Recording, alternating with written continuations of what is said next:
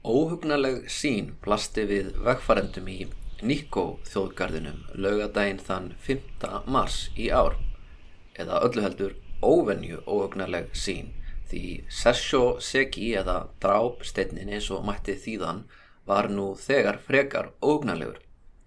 Samkvæmt þjóðsugunni bjófi í honum yllur andi og sagt var að hver svo sem snerti steinin gæti látið lífið. Sessho Seki eða dráp stein er ekki endilega svo ónulegt heiti á mannhæðarháu grjóti og maður kynni að halda. Það er til nokkrir aðrir steinar með þennan titil í Japan og þeir eiga það sameinlegt að vera á eldvirkum svæðum þar sem eitraðar gufur geta stíð upp úr jörðum. Þessi tiltekni stein er í hlýðum eldfjálsins Nasu sem gaus síðast 1963 og hefur í fortíðinni kostað þó nokkur mannslíf. Til dæmis er talið að um 180 manns hafi látið lífið í eldgósi á svæðinu árið 1410 og svo mætti lengi áfram telja. Árið 2017 dóðu til dæmis 8 manns í snjóflóði í sama fjalli, svo fjallið er alls ekki hættu laust. En hvað svo sem eldgósum, snjóflóðum og eitruðum gufum líður þá er Nasu fjall hluti af þjóðgarði. Náttúran, skóarnir og landslægið þykja óhæmju falleg og þorpið sem er samnefnt fjallinu er þokkalega vinsæl ferðamanna staður.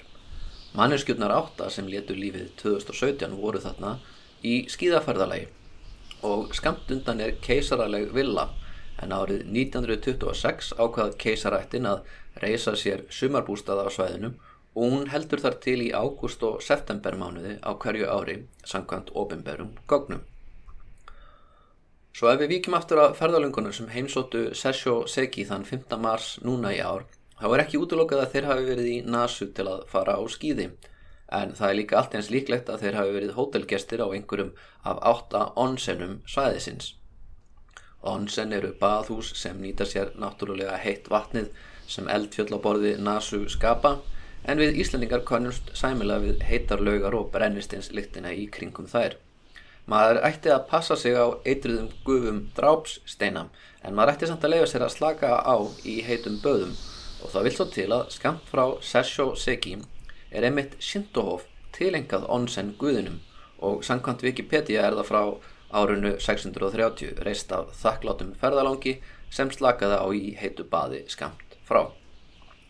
Ég hef lært að taka svona fullirðingar um aldur frekar varlega en eflaust hafa ferðamenn allt frá heiantímanum notið þess að vera í heitum laugum á svæðinu og þetta svæði hefur lengi verið frækt fyrir onsen. En allavega, hvað var það sem var svo ógnarlegt og blasti við þessum túristum? Nú, þeir voru kannski búinir að fara á skýði og í heit böð og voru nú að röldum minjagripabúðir, kannski hendu þeir pening og klöppuðu saman höndunum í hofi onsen guðsins áður þeir gengu eftir göngubrúm ekki svo ólíkum þeim sem við sjáum á hverasvæðum hérlendis með við það sem Google Maps hefur sínt mér þá er fullt af jarðhitta á svæðinum en líka fjölmarkar GISO stittur með fram göngubröðinni sem standa þarna áleiðis með rauða hatta sína líkt og til að vernda vegfarendur fyrir sjóðandi leðjunni og fjálslíðinni sem gnæfir yfir. Við enda gangvegarins er brött hlýð en þar stendur drápsteinin, einn af mörgum grjótnullungum sem eldfjallið hefur í hlýðum sínum, en sá einið þeirra sem er bundin með kvítu reypi og sérlega mertur með skildi og girðingu til að halda of forvittnum vegfærendum frá. Eða öllu heldur, þá stóðan aðna, það er það óhugnarlega, þann 5. mars síðastliðin uppgötaði Japan og loks allur heimurinn að drápsteinin var klófin, innsiklið utanum hann rofið og ylli andin sem hann hýsti nú að öllum líkendum laus.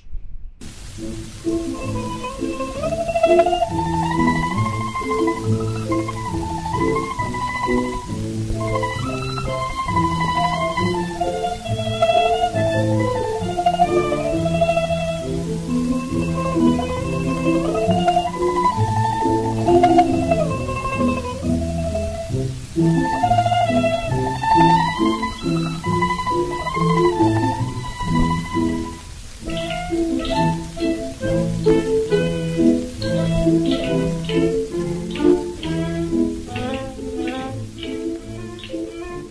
var á dögum keisarans Topa sem ægifögur kona byrtist á dularfullan hátt í höllhans.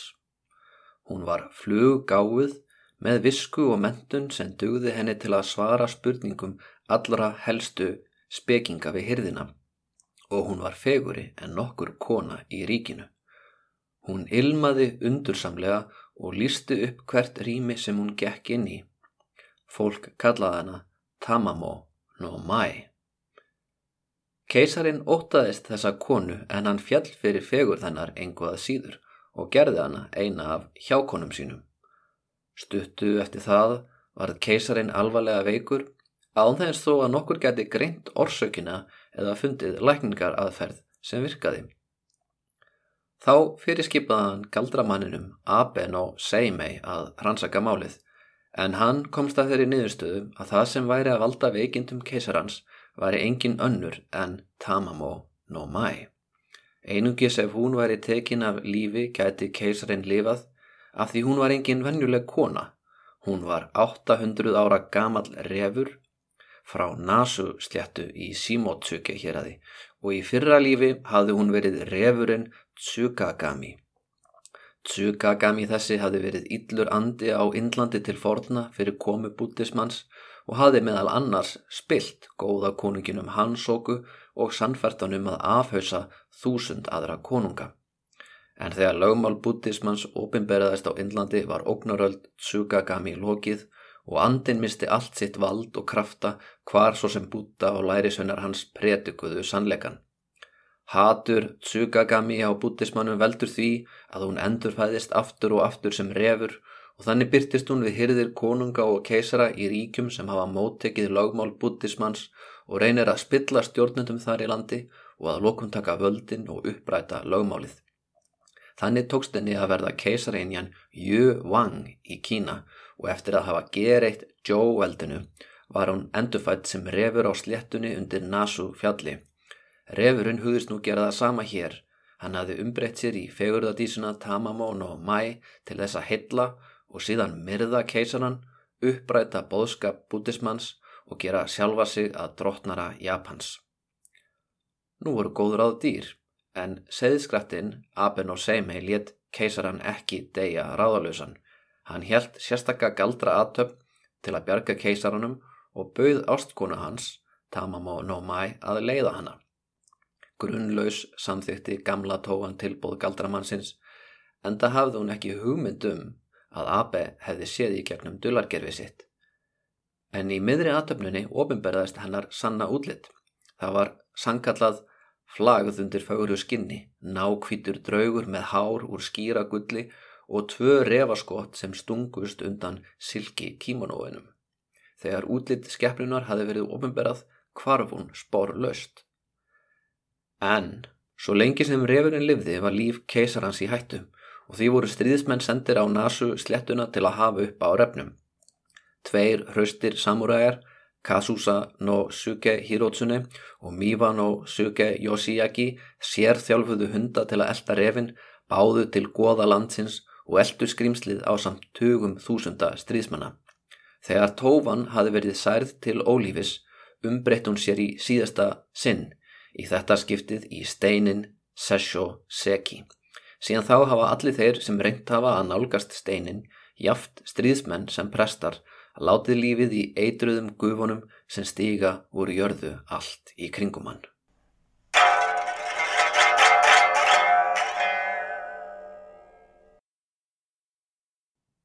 Nokkurn veginn svona hljómar saganum Tamamo no Mai, ítla andan sem dvaldi í steinunum Sessho Seki það til nýlega.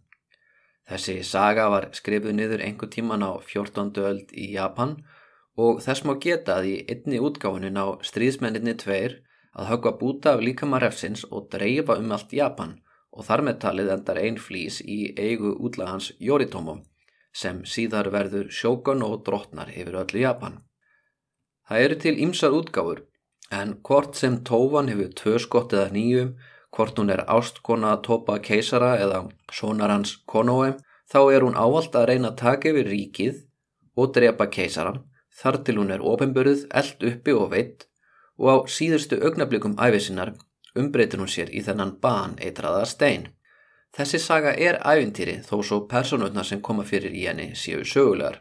Tópa var keisari undir lok heiantímans, langafi keisarans Gótópa sem við fjöldluðum um í síðustu þáttum og nafn Gótópa merkir í raun bara Tópa hinn síðari. Sýnir Tópa þeir Sutoku og Go Shirakawa kom á stað rauð borgarastriða sem á endanum letu til yfirtöku samúræja á stjórn landsins en um það ætlum ekki að ræði í dag. Það er nóg að muna að Tamamo no Mai er flokkuð í hópi þryggja hættulegustu óvættana sem ógna Japan á samt fyrrnöndum Sutoku og tröllinu Shuten Doji. Ef þið viljið heyra meir um Sutoku þá getið þið tjekkað á þætti 31, keisari undirheimana og í þætti 25, hemd kongulvarkonunar þá er saganum Shuten Doji tekin fyrir. Að lókum á nefna galdramannin Abeno Seimei Hann var vissulega til og stundaði svo kallað on-myoji sem eru nokkus konar ying og yang galdrar. Þeir byggjast á kynverskri speki og snúast um að mynda jafnvægi í umkörunu, lesa framtíðin úr stjörnum og særa burtu illa anda og þeir sem stunduðu þessa list voru mjög eftirsóttir á heiantímanum. Aben og Seimei var vissulega hyrðmaður á þeim tíma en hann var ekki uppi á sama tíma og topa keisari heldur helli öld áður. En að því hann er frægasti galdramæður Japans fyrir og síðar þá gáttu sagnarítarar ekki stilt sögum að tróðunum inn í söguna. Ímyndið ykkur Sæmund Fróð og Galdraloft í einni og sumu personu og þið hafið í grófum dráttum þar sem Abeno Seimei er í japanskri menningu. Það kaldaðinastlega við að hann hafi það hlutverk í þessari sögu að ofinbera illa refaandan sem ræðist gegn keisaranum og ógnaríkinu er að hann sjálfur er hálfur refur. Samkvæmt þjóðsögunni þá var fadir hans Aben og Yasuna mennskur en móður hans, Kutsunoha, sjálf refa hamleipa. Hún kausað að láta són sinn alast upp, ekki sem ref, heldur að hann skildi vera maður og þar með hafa mögulegan að velja millir góðs og íls að máta sem refir geta ekki. En engu að síður var Aben og Seime ram göldróttur frá því æsku vegna upprunans. Sagan um Kutsunoha er allt öðruvísi. Hún hefst með því að ungur aðalsmaður við keisarahyrðina Aben og Yasuna er á leiðinni í áttað hofi í Shinota. Á leiðinni er ekstan á veiðimann sem er búin að góma kvítan ref og ætlar að skera hann upp til að selja livrina úr dýrinu til livsala. En sangkvæmt fórt kínverskum læknatekstum var hægt að nota livrina úr refum til að endurlífuka fólk. Yasuna bjargar lífi refsins með því að berjast við meðmannin og særist ítla en er svo hjúgrað af ótrúlega fallegri ungri konum. Stuttur síðar eru þau gift og búin eignast barn sem verður hitt fluggáfaða undrabann Aben og Seimei. Þetta verðist fullkomlega eðlulegt hjónaband þar til dagetn er Kutsunoha að verða fyrir sér blóm og sónur hennar kemur auga á halan, gæjast út undan kímon og faldinum. Nokkuð merkilegt að það sé barnið en ekki eigin maðurinn sem komi auga á halan en ætli það sín ekki að við kallmenn tökum aldrei eftininnu. Varðandi Aben og Semi þá er hægt að heyra aðeins um hann í þættinum um risofall Abe-ættarinnar þó svo hann fá ekki alveg nægilega umfjöldum þar. Það eru margar góðar sögur um hann og táknið sem hann notar er fimmhyrnd stjarnar eða pentagram sem er líka galdra tákn á Vesturlöndum og það er bísna kúl tákn verður að segja. En eins og þið heyrið þá eru tófur greinlega mismunandi. Einn tófan tekur á sig mennska mynd og egnast barn með manni sínum sem hún elur upp og verður síðar einn máttuasti galdramaður í sögu Japans. Önnur tófan mætið til hyrðarinnar með það eitt í higgju að tortíma keisaranum og leiða landið til glötunar. Báðir þessir andar eru kitsune sem ég er hugtak sem er nota í þessum þætti yfir göldróta anda þó svo að í raun þýðir það einfallega bara refur á japanskum. Eftir því sem kitsune verða eldri fá þeir fleiri hala.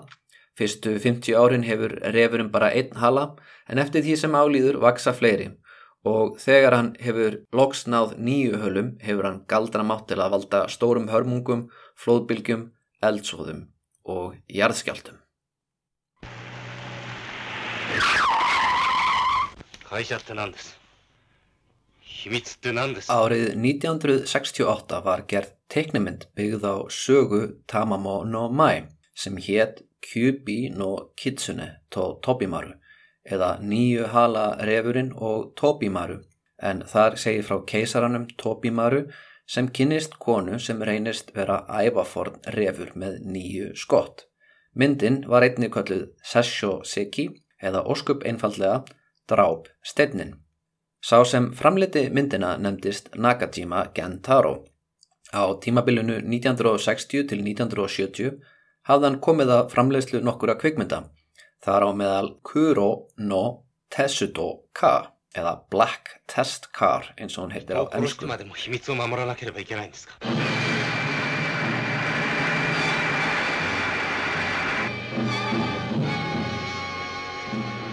Sú mynd snýst um harða samkeppni bílaframleðenda sem njósna um hver aðra.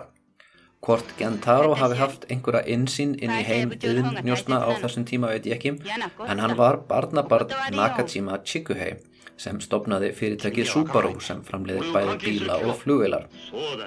Chikuhei var ráðherra í setni heimsturöldinu og líkt og margir úr þeirri ríkistjórn endaði hann í nokkur ára fangelsi ásakaður um stríðsklæpi áður en hann losnaði út. Gentaro hafði skiljanlega ekki hugsað sér að feta í fótspor hans. Þessi stað hafði hann lært kvikmyndagerð og komið að framleyslu og leikið í skrýmslamyndum og vísendaskaldskap en þessi teiknumyndum nýju hala refin og keisaran Tobimaru átti eftir að marka strömmkverfi í lífi hans. Dreifingin á myndinu um nýju hala refin klúðraðist algjörlega. Hún var einungis frumsýnd í einu kvikmyndahúsi og síðan aldrei sínd aftur og þarna virðist Gentaro hafi orðið fórnalamp einhvers konar stúdiopolítikur þar sem aðrir framleiðendur innan fyrirtækisins reyndu að bregða fyrir hann fæti. Gentaro fyltist ógeði á kvikmyndaiðnaðinum og baktjaldamakkinu í honum og snýri sér þessi stað að raunverulegri pólitík. Hann fór á þing fyrir japanska íhaldsflokkin LDP og endaði sem mentamálaráþra Japans 1989. Gentaro var eini maðurinn sem átti eintak af þessari kvikmynd og þegar hann lést erði sonur hans þær á samt pólitískum framasínum.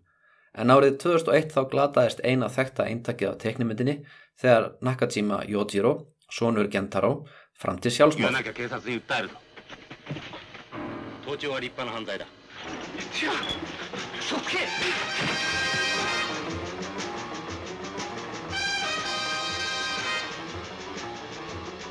Hann var þá þingmaður á japanska þinginu en hafði verið ásakaður og dæmdur fyrir mútur og hengdi sjálf á sig. Og þegar dánabúði var gert upp var filmurúlan tín.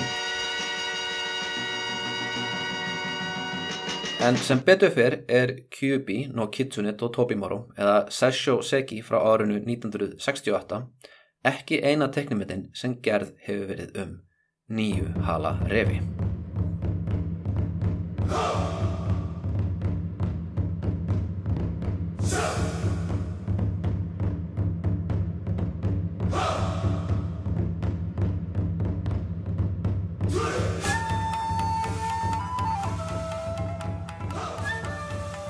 myndasugunum og teknimyndaþáttunum um Naruto segir frá öðrum máttugum ref með nýju hala sem er lokaður inni í ungum dreng. Myndasagan sem er eftir Kishimoto Masashi hefur selst í um 250 miljón eintökum í 47 löndum og þar að veru 153 miljónir eintaka seldar í 手で Japan. どうにかなる相手じゃねえぜあれがある外したか Myndasagan fjallar um Uzumaki Naruto, unaðaleysingja og vandræðagemling í leinithorfinu Konoha sem uppgötar dag einn að hann er með innsiglað innra með sér, ævafornan refaanda með nýju hala sem veitir honum ofurkrafta en gæti á endanum tekið yfir hann. Ég ætla ekki að rekja sögunum Naruto en lætu huga að nefna hann er shinobi eða ninja og berst við ímsa máttuga stríðismenn sem oftar en ekki hafa ofurkrafta sem eru vísanir í hinnar og þessar japanskar góðsugur og þjóðsugur sem ég á eflaust eftir að ræða einhver tíma. En Naruto er einfallega mjög gott dæm um hvernig hugmyndunum refi með tvo eða fleiri hala hafa lifað áfram í nútímanum. Í manga anime og öðrum popkúltúr er þó mun algengar að sjá refin í kvenlegri byrtingamind, oft sem krútleg, ung, mennsk stúlka með refaeiru upp úr kollinum og jafnvel skott. Að gera refin að kvenlegu kyntakni er ekki nýtt. Það er eldra en stelpur á Twitch streymi með löng refaeiru upp úr hernatólunum og eldri en sagan um Tamamo no Mai. Við getum farið aftur til sjöttu aldar. á tíma Kinmei keisari í kringum árið 540 þegar maður rakst á fagra konu út á engi, heitlaðist svo af henni að hann bað hennar og egnaðist að lokum són með henni. Á sama degi og sónur þegar hjóna fættist egnaðist tíkin á bænum kvolp og sá kvolpur varð alltaf óður kvinnar sem hann sá húsfrúna. Svo óður að dag einn þegar húsfrúin gekk fram hjá hundinum þá réðst hann á hann og reynda býta en við það umbreyttist konan í ref og flúði aftur út á engið þar sem eiginmaður hennar hafi fundið hana nokkurum árum áður. Sankvæmt þjóðsugunni er orðið kitsunni komið þaðan því á kvöldin þegar eiginmaðurinn fyltist söknuð eftir henni kvíslaðan ki tsu ne, ki úr sögninni að koma, tsu úr sögninni tsuku sem er að koma á áfangarstað og ne úr neru að fara að sofa. Kitsune komdu aftur að sofa, kvíslaði maðurinn sem enþá elskaði barnsmóðu sína og þegar myrkvaði snýri refurinn aftur upp í bólið og svafi hlýðans en var svo horfin dægin eftir. Barnið óks úr grasi og varð hraustur drengur sem hljóp hraðar en nokkur maður var aðburða klár og varð svo að lokum forfaðir Kitsune Atai ættarinnar. Það sem er aðteglisert við þessa sögu er að hérna er ekkert neikvægt við að móðurinn sé rifur. Það þykir ekkert afbryðilegt að eigi sambandi við yfirnáttúrulega veru og eignast með þeim börn og þetta minnir svo litið á sögur úr öðrum samfélagum eins og til dæmis Íslandi þar sem konur sem eiga sér selsham eignast börn með mennskum eiginmönnum áður en þær finna hamin aftur og hverfa út á haf.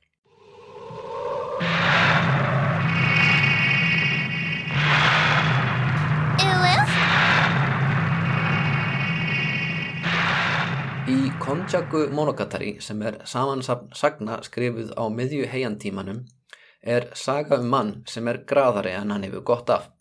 Maðurinn sem nefnist Yoshi Fuji er ríkur kaupmaður sem nýtir sér tækifærið á meðan eiginkonans er í ferðalagi til höfuborgarinnar og hefur ástaraefndiri með undurfagri konu. Hann heimsækir konuna og hún og fjölskylda hennar taka vel á mótónum svo vel að hann á endanum gleymur öllum sína eigin fjölskyldu og dvelur með nýju ástkonunni og eignast með henni barn. Á meðan kaupmaðurinn er týndur í alsælu með viðhaldinu byrja fjölskyldans þó að hafa ágjur á honum. Eginkonan er laungu komin heim úr höfuborginni og leit hennar að Yoshifuji ber engan árangur. Að lokum í örvendingu leitar hún til giðunar kannon og reysir stittu af þessu miskunnsama bútíska goði í sömurstærð og Yoshifuji. Fjölskylda Yoshifuji byður daglega til stittunar og á 13. degi á sér stað kraftaverk. Mannvera með ásýnd kannon byrtist og í staðis að leitað eiginmanninum í nágrenninu fer hún að grafa undir vöruhús kaupmanns fjölskytunar. Þar kemur í ljós revagreini. Revirnir í greininu flýja út en þegar búið er að svæla þá í burtu kemur Yoshifuji sjálfur í ljós, væntanlega þakinn klórförum, mold, revaskít og öðrum viðbjóði algjörlega vit stóla. Yoshifuji æpir að hann ætla að giftast tófunni og arfleiða börn hennar að verslun sinni en það er kallað á presta sem særa úr honum revaandan þannig að hann áttar sig aftur. Yoshifuji taldi sig hafa búið í stóri höll með ástkonu sinni í um 13 ár en í raun bjó hann bara 13 daga ofan í revahólu undir sínum eigin vörulager. Og æfintyrið endar vel því Yoshifuji gerist diggur fylgjandi kannon og lifir hamingjusamlega eftir það. Einn algengasta tegundin af erotískum sögum frá Japan á miðöldum og edotímanum eru sögur af ferðalöngum sem eru tældir af refum. Ferðalangarnir eru röllnandi einur um miðanótt þegar þeir koma að ljósum á stað sem þeir töldaði engin byggi en er bóðin í hlýtt kvotið af aðalaðandi konum. Konan ber fram gómsætan mat og að lokum skrýður hún upp í rúm með honum og þau tvö njóta ástar alla nóttina en þegar mennitni vakna eru þeir oftar en ekki stattir út á víðavangi eða jafnvel gravreitt og kemur í ljós að húsið var tálsín, gómsætt máltiðin bara drulla og lauf og ástkonan refur sem nú er á flotta burt.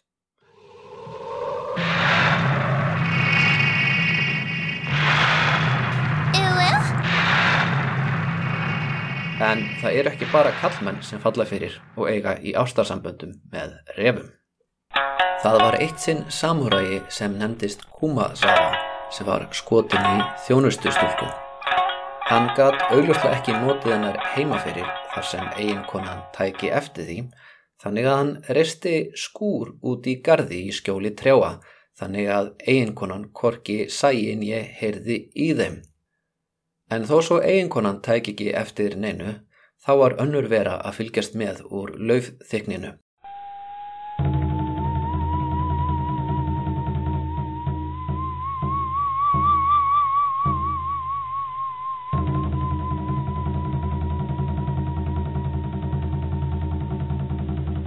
Refur sem dag einn umbreytti sér og þóttist vera samúræin og leitti ungu þjónustustúlkuna með sér á leinistæðin þeirra.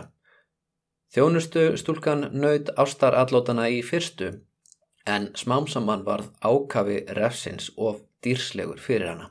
Hún æfti og baða hann um að hætta en það virkaði ekki og að lokum var sársökinn svo óbærilegur að hún æfti svo hátt að það heyrðist jafnvel í söpnherbergi Kumazawa og húsfrúarinnar. Þjónustustúlkan játaði að hún hefði átt í sambandi með eiginmanni húsfrúarinnar en gráðbaðana um að koma og bjarga sér frá honum.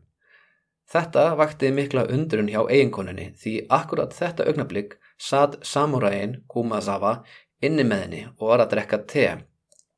Þegar þau hlupu út til að bjarga konunni komuðu þau að skúrnum en fundu korki samúræðin nýja refin einungis þjónustustúlkuna grátandi af sásörka.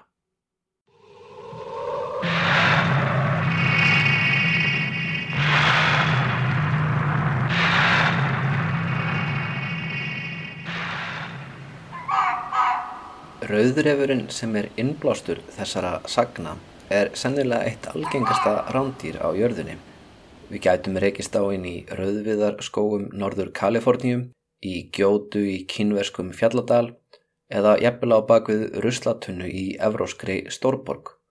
Rauðrefir hafa náða nema land út um allan heim. Hann býr í öllum ríkjum Evrópu nema Íslandi. Hann býr í Norður Ameríku, Norður Afriku og um alla Asju, allt á Indlandi til Sýberíu.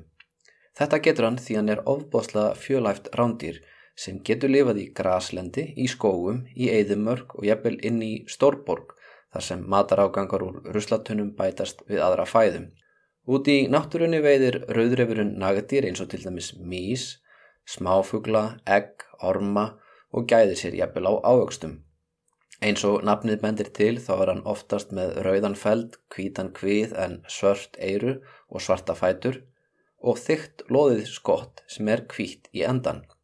Um 10% þeirra er þó með silfurgráan eða svartanfeld og það er sútegund refa sem eru ræktaðir af loðdýrabændum og þegar þeir eru ræktaðir geta sum afbreyði jafnvel fengið doppbótan feld. Við skulum ekki ruggla þessari refategund saman við refin sem býr á Íslandi, það er að segja heimskautarefin. Rauðrefir geta orðið alltaf 14 kílóa þyngd, sá stærsti sem hefur nokt tíma fundist var um 17 kíló en yfirleitt eru þeir tölvert léttari þó þeir séu mun þingri en íslenski heimskautarefurinn. Þeir eru á bylunu 45 til 90 cm á lengd, geta náð 30 km hraða á hlaupum og stokkið um 2 metra upp í loftið. Þefskinnið þeirra er næstum jafn gott og hundam en þar þau ekki sjá rauðurhefur mjög vel og eru mjög liðugýr. Það þarf alltaf að koma á óvart að refategund sem hefur náðu að koma sér fyrir svona víða í Evrópu, Asju, Ameríku og Afriku hafi líka náðu að koma sér fyrir í Japan. Þar hefur Vulpes Vulpes komið sér sæmilega fyrir og haga sér á svipaðanhátt og annar staðar í heiminum. Bæði Karl og Kvendýr egna sér svæði sem getur verið alltaf 50 ferrkilometrar eða 12 ef fæðan er nægileg. Á veturnar fá bæði Karl og Kvendýrin þykkari feld og þau stopna til sambanda og ala ef allt gengur vel fjóra til sex yrðlinga sem ímist hverfa braud og eigna sér nýsvæði eða halda sig nærri fóreldrunum og hjálpa til við að ala upp næstu kynnslóð. Með öðrum orðum þá er refurinn ímist einfari eða býr í litlum fjölskyldu einingum þar sem eitt kvenn eða karldýr er ráðandi.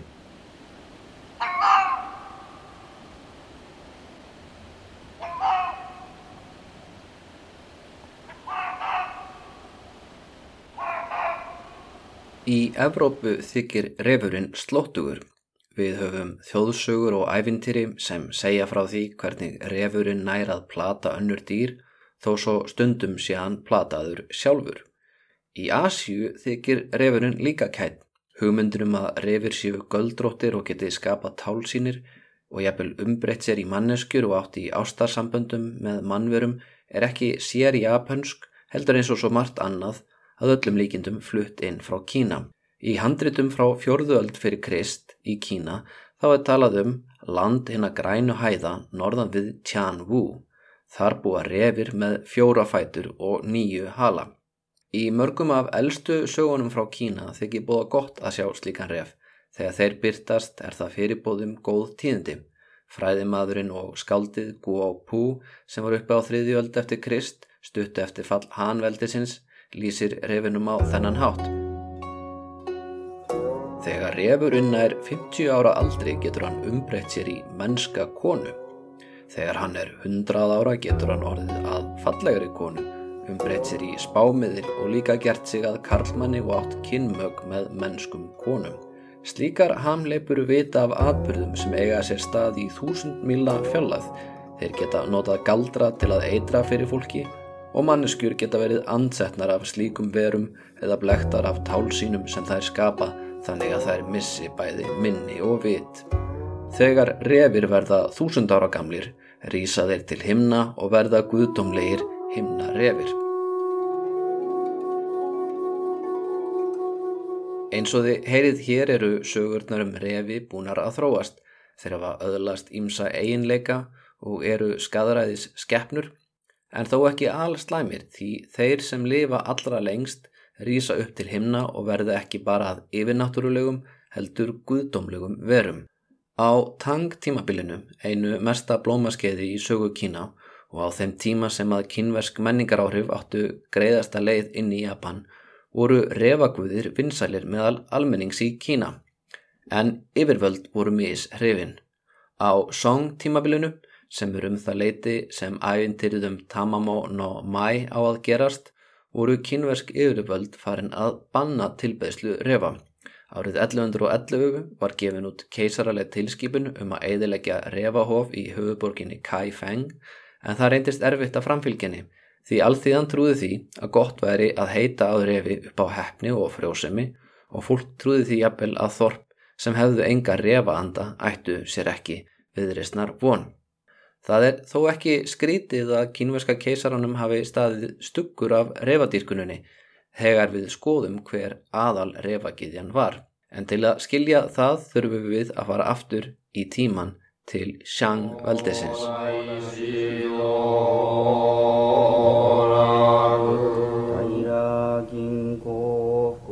Var ekki fyrir ná 20 stöld sem að fordleifafræði rannsóknir staðferstu að eitthvað geti verið hægt í sögunum um Shang-veldið og hvernig það gerðist um það er fjallað í fymta þætti þessa hlaðvarps. En til að spara ykkur tíma skal ég revju upp mjög einfallega. Kínversk siðmenning hófst upp við gulafljótið í norður Kína. Fyrsti eiginlegi forveri miðkonung dæmisins er kallað Xia-veldið en í kringum árið 1500 fyrir Krist var það yfirtekið að bronsaldar konungdæminu sem viðkvöllum sjangveldið í dag. Spádómsbein sem fundist hafa í jörðu næri höfuborg sjangveldisins eru eldstu leifar af kynversku rítmáli sem við vitum um í dag og þó það sé ólíkt þeim táknum sem nótið eru til að skrifa japansku og kynversku í nútímanum þá er uppafið samt þarna á ristuðum uksabeinum og skjaldbökkuskeljum sem átt að spá fyrir um velgengni í stríðum, uppskeru og annað því um líkt. En hvernig endaði sjangveldið? Nú vitum við það auðvitað ekki með vissu en góðsagan kennir að sjálfsögðu konu um fallið eins og kynverjar og svo sem fleiri siðmenningar hafa tilhengu til að gera. Síðasti keisari sjangveldisins nefndist Joe og var mikill hersuðengi. Í einna af herrferðum sínum inn í landið Jósu rakst hann á aðalskonuna Da-ji. Da-ji var stríðsfangi og þar með ambátt keisarans en hann var svo heitlaður af henni að hann gerði hann að drotningu og síðan gerði hann allt til að þoknast henni Að fyrirskipun hennar leta hann grafa stóra hólu og fyllana af víni til að skapa stöðuvatn úr áfengi og síðan leta hann smíða gerfiskó með hangandi kjötsneiðum. Hann sapnaði saman 3000 gestum við áfenga stöðuvatnið, leta á afklæðast og fyrirskipaði þeim að fara í eldingalegi nakin til að skemta Daji. Að sjálfsögðu var drottningin líka grimm og ílgjörn Hún létt sker upp ófríska konu til að sjá hvernig fóstur líti út, hún létt skera hjartað úr föðubróður keisarans til að virða fyrir sér hvernig hjartað á góðmenni líti út og svo létt hún grilla fólk lifandi á kólum. Allt þetta endaði sjálfsögðu með réttmættiru uppreist þegar himnarnir fylgist banþóknun og ný keisarætt tók við að sjálfsögðu eftir að sigra sjangveldið í stríði og taka Daji af lífi. En þetta er auðvitað saga skrifuð af konfúsískum fræðmennum sem vita ekkert verra heldur en að konur fari með völd. Daji er eins og Tamamo no Mai, þjóðsagnapersona og meir en þúsund árum eftir að hún átti að vera uppi var alþjóðu fólki í Kína farið að tilbyðana sem revagiðju. Sagt var að hún hefði í raun verið reva hamleipa sem rýmar ágætla við japansku söguna sem segir líka frá hamleipu sem heillar keisara og steipur honum í glötun Það er auðvitað skiljanlegt að keisaraleg yfirvöld séu ekki hrifin að því að alþýðan tilbyði Guði sem hafi það að kollsteipa keisaraveldum á ferilskráni en ég get ekki annað en velt fyrir mér hvort það sé þannig sem alþýðumanna hafi tólkað söguna. Siðferðisleg viðmið gildaðu þetta ekki um Guði en í konfúsísku samfélagi þar sem karlmenn eru ávalt eðri konum og því eldri sem karlmaðurinn er því ofar í goggunaröðinni fer hann er til skæðari uppreysnamaður en ung fögur kona sem er eldklár og fer sínar eigin leiðir.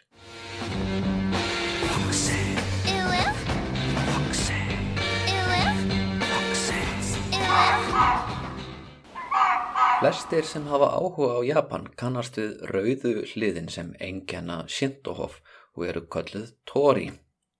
Fáir áfangastæðir í Japan eru jafn frægir og jafn mikið notaðir í kvikmyndum og öðru efni og Fushimi Inari hofið en það er að sjálfsögðu statt í Fushimi hverfi í Kyoto. Þar er ekki eitt eða tvö hlið eins og er venjan heldur allt í allt 30 og 2000. Hliðin mynda nokkus konar göng og rangala út um alla fjálslíðina sem reyndar nefnist einnig Inari eða Inari Yama Ínari fjall. En hver er þessi Ínari? Githjan Ínari er langvinnsælasti kami í Shinto en það með mjög mikilvæg mál á sinni könnu. Einn þriðji af Shinto-hofum í Japan eru tilenguð Ínari Samkvæmt könnun frá árinu 1985 voru hofin meira en 30.000 og það voru einungis hofin sem höfðu prest í fullu starfi og ekki talin með þau alltari sem eru tilenguð giðjunni út á hrísgrónaögrum með fram vegum eða innan stórfyrirtækja, heimila og smáhófa þar sem prestar eru í hlutastarfi. Ef allir tilbeðslustæðir í Nari væri teknir með í reikningin gæti talan verið mun herri en það er þó verðt að taka fram að í Nari er mjög personulegur guð. Svo útgáfa af kiðjunni sem er tilbyðin á einum stað getur verið mjög ólík útgáfinu sem er tilbyðin á öðrum stað og hofinn tengjast ekki innbyrðis eins og hof annara goða gera ofta á tíðum. Svo hvað gerir Inari? Hún er giðja hrísgrjónaræktar, líka giðja sakaebrugunar sem gerir það verkum að vínframleðendur eru oft rausnalegir styrtaraðilar hofana eða heyri abil beint undir slík hof. Í hverfinu Fushimi í Kyoto er allt morandi í sakaebrugúsum en fyrirtæki út um allt land og ekki bara áfengisframleðendur hafa styrt hofið og látið reysa hlið í fjallinu. Enda þykir gott að heita á Inari fyrir velgengni í viðskiptum hvort sem viðskiptin eru heiðaleg eða óheiðaleg. Samkvæmt þjóðfræðingnum Karen Smyers er Ínari personulur guð sem er breytilegur eftir hverjum stað og jafnvel eftir fylgjendum því það er ekki auðvelt að skilgreina hana. Hún gæti jafnvel verið samrunni margra ólíkra frjósemiskuða en það getur hún á einum stað byrst sem gamall karl og öðrum stað sem ung kona eða jafnvel sem stór snákur en eitt eiga þó allar útgáfur af Ínari sameigilegt. Sendibóðið þeirra er refurinn, yfirleitt kvítur refur. Fushimi hofið í dag er skilgreynd sem meginhof Ínari en það er 19. aldar uppfinning Þegar upplýstir og móternískir pólitíkusar reyndu að skapa miðstýrt kerfi í kringum síntóismann og um leið klufan frá bútismannum sem hafi þróast meðfram honum frá uppafi. Ástæða þess að ein ínari er ekki svo sama og önnur er vitaskuld svo að Guðin sem býr í fjallunu fyrir ofan hrísgrónaakur í einum fjalladal er ekki sá sami og býr í hólnum á hrísgrónaakrinum á slettunni í 15 km fjallægð. Enda er rauðurefurinn með 12 km umráðarsvæði og getur því ekki haft alla hrísgrónaakra í landinu undir sinnu umsjá. Svo staðrendað refagiðja sé íll skilgreinaleg ættu þetta ekki að koma óvart. Kín Ínari er órætt og umráðarsvæði hennar nær til hjártsmiða, yðnaðar, alls konar landbúnaðar, viðskipta, fjármála og drikja á borðið bæði te og sake. En eldstu heimildur um Ínari eru frá uppafi heiantímans. Það er þá sem við sjáum kynversku táknin sem merkja í grunninn að bera hrísgrón koma saman.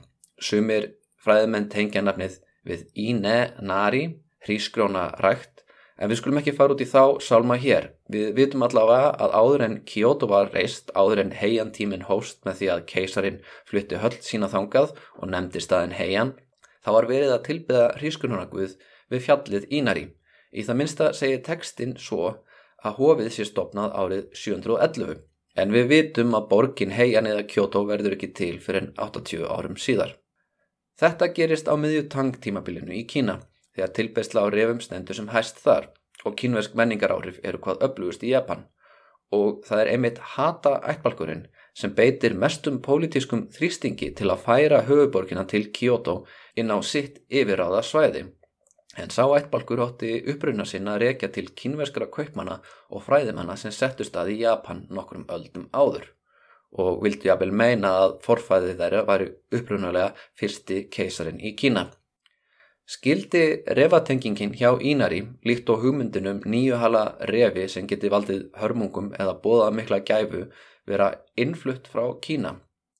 Við vitum allavega það að Ínari var ættargoð hata ættbalksins, svipað og sólgiðan Amaterasu var ættargiðja keisarættarinnar, en síðar öðlaðist Ínari viðkenningu frá hyrðinni. Keisarar útnemdu Fushimi Ínari hofið sem áfangast að pílagrimsferða sem hofið er hann þann dag í dag með mörgum öðrum ævafornum hefðum. Svo refurinn er varðla alslæmur fyrst að hægt er að heita á hann og byggja hann um greiða. Hann getur orðið að beðniðinni og fært er heilmikinn auð og velgengni á heiðarlegan eða óheiðarlegan hátt en þetta hlaðvarp getur þó ekki fjallaðum refi í japanskri þjóðtrú aðeins að nefna eina af skuggalegustu hlýðum hennar þegar fólk verður andsetið.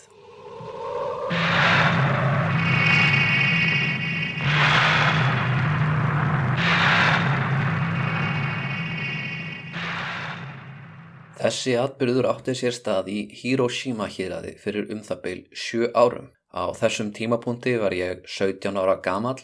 Það voru um það beil sjö þorp eða bæir í sveitinni sem ég bjó í. Stúlkan sem var ansettinn bjó í þorpunu næst við hliðin á okkar þorpi. Hún var 23 ára gömul og einhleip þegar þetta gerðist. Ég þekkt hann ekki persónulega en ég hafði séð hana og vissi hver hún var. Það var ekkert sérkennilegt við hana. Hún var ung kona sem var meðal grein myndi ég segja og í meðallægi útlítandi. En þegar hún var læknuð af refa ansetningu þá var það það eina sem talað var um í þá daga. Ég spurði mann úr sama þorpi út í þetta, ég segðast hafa heyrt hín á þessa orðróma og hann svaraði mér Jú, vinnur, ég veit allt um þetta, ég var á staðnum og sá þetta sjálfur. Það kom í ljósa maðurinn var nágranni fjölskyldu stúlkunar. Þegar stúlkan var læknuð var honum og öðrum í nágranninu búið að sjá aðtöfnina Kitsune Harai flutta af Kanushi. Kitsune Harai merkir að reka reyfin út og Kanushi er Shinto prestur. En þessi maður sem sagt sá atöfnuna. Ástæða þess að honum og öðrum var bóðið að vera vittni en svo að það á að hjálpa til að hafa fleiri á staðunum að byggja fyrir lækningum.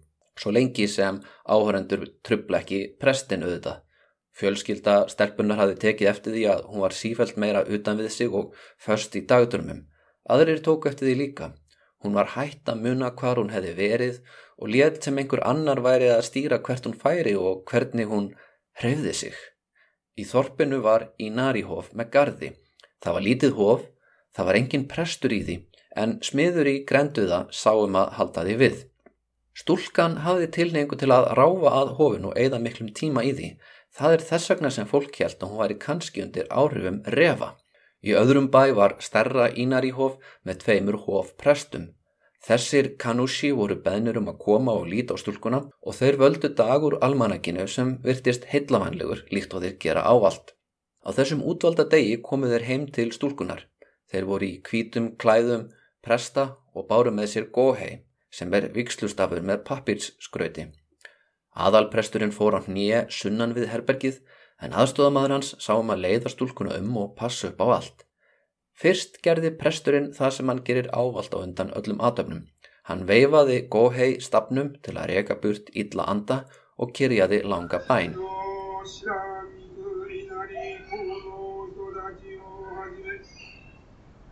Síðan byrjaði aðalpresturinn að hugleiða. Hann satt kyrr í langan tíma áður en hann loks komst í leiðslu. Hann var fullkomlega máttlaus í líkamannum og fölnaði. Þegar hann talaði var það ekki lengur hans einn rödd. Varir hans hreyfðust varla, augun voru lókuð. Hann spurði stúlkuna spurninga en það var refurinn innra með henni sem svaraði. Presturinn spurði, hvers vegna hefur þú tekið líkama þessarar stúlku? Refurinn svaraði gegnum stúlkuna en allir vissu að þetta var ekki rödd hennar. Þessi rödd var á mun herri tíðni og mun kröftugri en stúlkan hafði. Refurinn sagði að hann hefði farið inn í stúlkuna því hún hefði brotið grein af tré í hofgarðinum og kastað henni síðan burt. Refurinn sagði að hefði það verið lítið bann sem gerði það þá hefði hann aldrei tekið yfir líkama þess, en fullorðin kona ætti að vita betur. Presturinn reyndi þá að sannfæra refinum að fara úr líkama stúlkunar en refurinn þær neytaði. Stöku sinnum reyndi stúlkana yfirkifa svæðið. Það var refurinn sem neytana til þess en aðstofamaður prestsins kom í veg fyrir að hún kemist burt. Á lokum tók aðstofamadurinn fram lítinn hrískrónapappir, krumpaðan saman og kom fyrir í miðju herberginum. Síðan kveikt hann í pappirnum. Það næsta sem gerðist er undravert. Mikið bál spratt upp úr þessum litla pappir og fylgti miðju herbergisins og náði alveg upp í þak, en elds logarnir snertu ekki neitt annað í herberginu og kveiktu ekki í neinu. Aðstóðamadurinn leti stúlkuna í suðvesturhort rýmisins og reynda fá hana til að ganga þert yfir herbergið í gegnum eldin.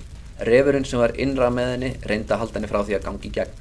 Ekki gera það, ekki gera það. Æftan og það tók aðstóðamannin langa stund að íta henni gegn. Um leið og hún kom inn í eldin í miðju herbergisins æfti hún upp yfir sig og það leiði yfir hana. Þetta hljómaði eins og dýr sem hafi verið skotið. En þetta var refurinn að yfirgefa líkama hennar. Um leið og hún fjalli yfirlið kom aðalpresturinn úr sínum transi og það sloknaði umsögulust í eldinum þannig að það var ekkert eftir nema aska. Andi refsins hafi yfirgefið sinn líkama til að taka yfir líkama stúlkunar en hafði núna röklast aftur. Kanski hafði hann fundið sinn eigin líkama eða kannski dáið áður en hann náði aftur heim. Það tók stúlkuna þrjá tíma að ranka við sér og þegar hún var spurð hvort hún myndi eftir aðtöfnunni neytaði hún því. Presturinn spurði hvort hún myndi eftir að hafa brotið grein af trefið í Narihof. Hún saðist að hafa gert það og saðist að hafa klift hana af vegna þess að hún stóð út og hún hugsaði með sér að einhver geti óvart gengið utan í hana og meitt sig. Þá saði presturinn að þó henni hafi gengið einungi skott eitt til, þá var þessi gjörð eitthvað sem rætti áallt að ráðferða sig við kanúsjum aðrum að færa út í hana. Það væru sérstakar aðferðir til þess að snirta tre í helgum gardi. Fjölskylda stúlkunar greiti prestónum fyrir og stúlkan fekk blað með orðunum Inari Dai Miyajin eða Inari Mikla Gidja. Hún hengdu upp þessi orð heima á sér og eftir þetta ferði hún Inari reglulega fórnir. Hún var aftur með sjálfur í sér en hún var líkamlega örmagna fyrstu þrjár vikurnar eftir ansetninguna. Eftir það virtist hún fullkomlega eðlileg og giftist manni úr öðru þorpi stuttu síðar.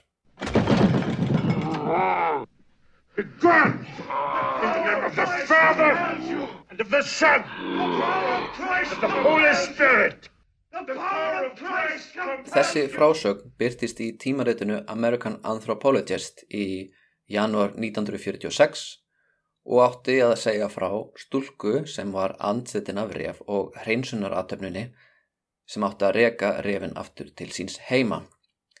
Í skýrslum geðlækna og bladagarinnum frá Japan í byrjun 20. aldar eru ýmsar frásagnur um fólk sem er talið vera andsetið af refum og líka skemmtilegur og skondnar sögur eins og um ref sem umbreytið sér jafnvel í heila lest.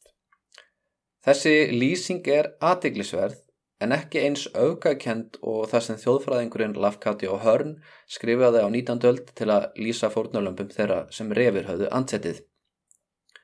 Hann skrifar Stundum hlaupa þeir naktir um götur, stundum leggjast þeir nýður og fróðufella og ylvra eins og refir. Á líkumum þeirra má stundum sjá hnúð eða kíli sem hreyfir sig undir húðinni. Ef maður reynir að stinga á kílið með nál, færir það sig undan yfir á annað svæði á líkamannum og það smegir sig undan hvaða taki sem er. Þeir sem eru ansetnir eru sæður geta talað og skrifað á tungum sem þeir kunn ekki áður og borða einungist þann mat sem refir vilja eins og tofu, aburage, asukimeshi og þeir halda því fram að það séu ekki þeir sem finnir til hungurs heldur refurinn innra með þeim. Ef fornulömpin eru svo heppin að losnundan álögunum eru þau yfirleitt komin með svo mikið ógeð á refamat að þau geta aldrei aftur lagt sér til munns tofu. Þetta ástand sem er líst í American Anthropologist og í Riti Hearn um Japan var og er kallað Kitsune Tsuki sem þýðir bókstælega tekin af refi. Þetta var algeng greining á hennum ymsu geðrænu vandamálum sem við í dagmyndum kannski flokka á annan hátt. Ef ekki var hægt að særa burtu refin með atöfn framkvæmda af ínari prestum var fornalambið yfirleitt mistyrnt, lamið eða brent til að flæma refin í burtu með sársöka og það eru til dæmi um fólk sem lést við slíka aðgerð. Svo gatt fólk sem var bendlað við refi lendi því að vera hreinlega útskúað úr samfélaginu. Vitaskuld trúa fáir á slíka ansetningu í dag og nútímalegri hugtök eins og geðklofi eða einkverfa eða aðra greiningar eru nótið til að útskýra afbreyðilega hægðun. En alveg frá heiantímanum og þar til um miðja 20 stöld voru tilvikum manneskjur sem trúðu því sjálfar að þær hefðu verið eða væru ansetnar af refa andam og eftir grunar einhver sé ansetin af refi aðtöðuðu þá hvort hann hafi eftirfarandi enginni. Er viðkomandi oft viðutan Á hann erfitt með að sitja kyrr? Forðast hann eða hún augnsamband? Er hann eða hún með undarlega þráki fyrir því að borða hrísgrjón, tofu eða sætar bönir? Ef ekki er hægt að hafa upp á geðlækni, gætu þú vilja halda í átt að næsta í narihofi til að hafa upp á kanushi sem veit hvernig á að tækla málið. En ef skekinni að engin kanushi er til staðar, má alltaf reyna að berja viðkomandi til óbóta og sjá hvort hann hægir sér ekki aðeins minna eins og refur daginn eftir.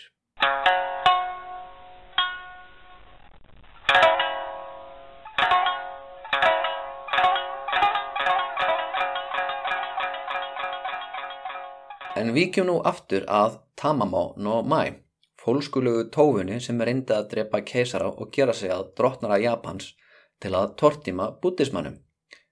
Byggir þessi saga um ref sem tælir keisara og reynir að kollvarpa ríkinu á einhverjum sögulegum personum. Einkenning er svo að hún sé keisara innjan Bifugumon inn eða öllu heldur Fujiwara no Nariko. Nariko var eiginkona keisarans Toba og sonur hennar Konoe varð keisari Japans um tíma. Sem móðir keisara og eiginkona fyrverandi keisara sem er maðurinn sem fer raunverulega með völdin í landinu fyrir hönd sona síns, þá var Nariko stór leikandi í stjórnmálum síns tíma. Hún var áfram þáttakandi í þeim líka eftir að sonur hennar og eigin maður létust en þá börðust stjúpsinnir hennar Go Shirakawa og Sutoku um völdin og það var upphafið á borgarastríðunum sem á endanum letu til þess að samúræðir tóku völdin í Japan. Nariko mun vist hafa reynd að gera kvenkins barnaböld sínað keisurum án árangurs en eins og hlustendu vita þá eru fordæmi fyrir því að konur erfi stöðu keisara þó að á þessum tímapunkti hafi verið meir en 400 ár síðan kona hafði gengt ennbættinu síðast og ráðabrug Nariko gekk ekki eftir. Japanir fengu ekki kvenkins keisara aftur fyrir enn um 400 árum síðar. Það getur verið að Nariko hafi orðið innblástur þessarar sögu. Þemað í sögunum Tamamo no Mai eins og í svo mörgum reyfasögum er óttin við konur. Konur geta látið karla þrá sig og notað erotíska krafta sína til að öðlast völd og hvern menn með völd var jafn mikið tabú í konfúsískum samfélagum Östur-Asju og það var á sama tíma í henni kristilegu Evrópu. En þrátt fyrir þetta tabú þá voru til konur með völd. Nariko hafði áhrif á ákvarðanir eigimanns og áhrif á sinni sína og hefði hún haft öflura bakland innan hyrðarinnar er vel mögulegt að henn hefði tekist að gera dætur sínar eða aðra kvenkins afkomendur að keisurum. Sagan sjálf veriðist vera inblásin af kínverskum eða jafnvel indverskum þjóðsugum sem bárust með bútismannum. Sá sem skrifar sögunum Revin sem reynir að myrða keisara og gerast kvenkins keisari þekki til sögunar um fall sjangveldisins í Kína og þekki líka til Ninno sútrunar en þar segir frá prinsinum Hansoku sem tilbyður Tsugagami eða Guð grafhauguna. Guð grafhauguna er yllur andi sem lifir á mannakjöti og fær Hansoku til að ráðast gegn öðrum konungum. Hansoku hefur handsamband um 999 konunga og þegar hann nær þeim þúsundasta hegst hann takað á alla lífi samtímis til að virka einhver myrk öll. En það vil svo til að síðasti konungurinn sem hann handsamar er trúrækin buddhisti sem fær hinafangana til að kyrja með sér sútrur sem á endanum verður til þess að Hansoku sjálfur fyllist eftir sjá, afsala sér völdum og gerist buddhisti að meðan Tsugagami, mannættuguðin frá grafhaugunum, hrökklast frá Indlandi og yfir til Kína og loks Japan.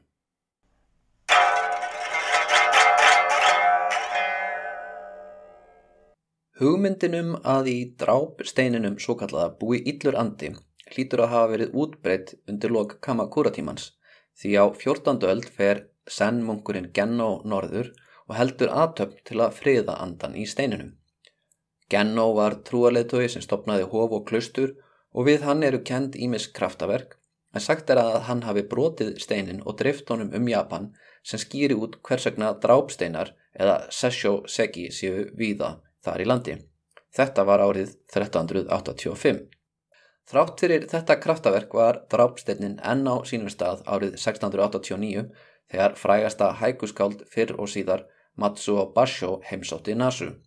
Í bókinni Vegurinn þröngi norður og Kuno Hosomichi skrifar hann um heimsóknina. Þegar ég var búin að hvaðja vinn minn í Kurobane held ég í áttað drápsteininum svo kallaða. Hann nefnist það vegna þess að hann drefur alla fuggla og skortýr sem setjast nærri honum. Ég var á hesti sem vinnu minn hafi lánað mér en bondin sem teimdi hestin bað mjög um að yrkja hægu fyrir sig á leiðinni. Óskans kom mér skemmtilega á óvart. No o yokoni, uma hikimuke yo hototo gisu. Teimdu nú hestin yfir heiði svo ég heyri næturgalan syngja. Drápsteinnin var í myrkuhorni fjálslíðanar, nærri byllandi hver og var umvafin eitur gufonum sem risu nærri honum. Það var svo há hrúa af dauðum bíflugum, fyririldum og öðrum skortirum að maður greindi varla hvernig jörðin sjálf undir þeim var á litin. Þegar á 17. öld var fjallið Nasu og heitu böðin í kringum eldfjallið orðin vinsæl viðkomustadur ferðalanga, þó enn væru einhverjar aldir í að keisarættin kemið sér upp sumarbústaði í nákvæminu og að lestalínur tengdu Tókjóbúa við skíðabrekkurnar í fjallslíðinni. Í dag heimsækja túristar svæði til að fara í heit böð, skýði eða til að gangum skóana í þjóðgarðinum á haustin og að sjálfsögðu kaupa þessir gestir minnjagrippi þó augljósla sé ekki lengur hægt að sjá dvalarstað Tamamá no Mai. Steinnin sprakk þann 5. mars í ár af náttúrulegum ástæðum, vatn hafi myndað sprungur í hann og það var bara spurning um tíma hvenar refurinn myndi losna úr prísundinni Það er að segja ef bænir Genno dögð ekki til að veita henni frið í eftirlífinu.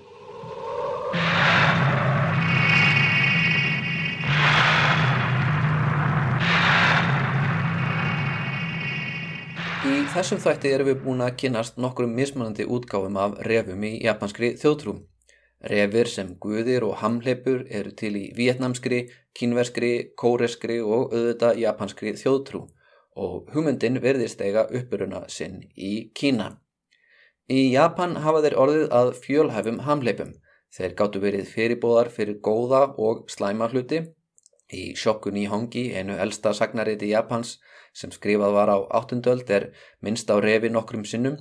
Í fimmskipti eru revirnir góðir fyrirbóðar þegar stakur svartur revur byrtist þykið að bóða góða uppskeru.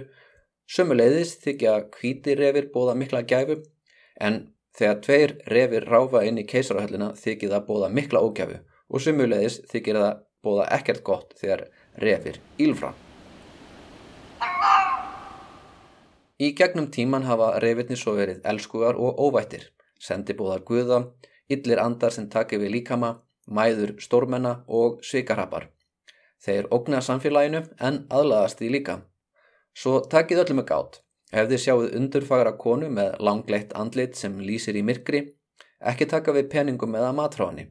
Það er að öllum líkindum mold eða löfblöð sem hún hefur umbreytt og undir þessu fagra skinni reynist að öllum líkindum flagð, loðin skeppna með tvo eða nýju hala, gilt hár og hvít, nákvít lítaraft. En ég vona að þetta hafi verið fróðulegt og skemmtilegt. Í næsta þætti held ég áfram að ræða keisaran Gotoba í útleðsinni, skaldið Fujiwara no Teka og við höldum áfram með Kamakura tjámabilið. Heyrumst síðar.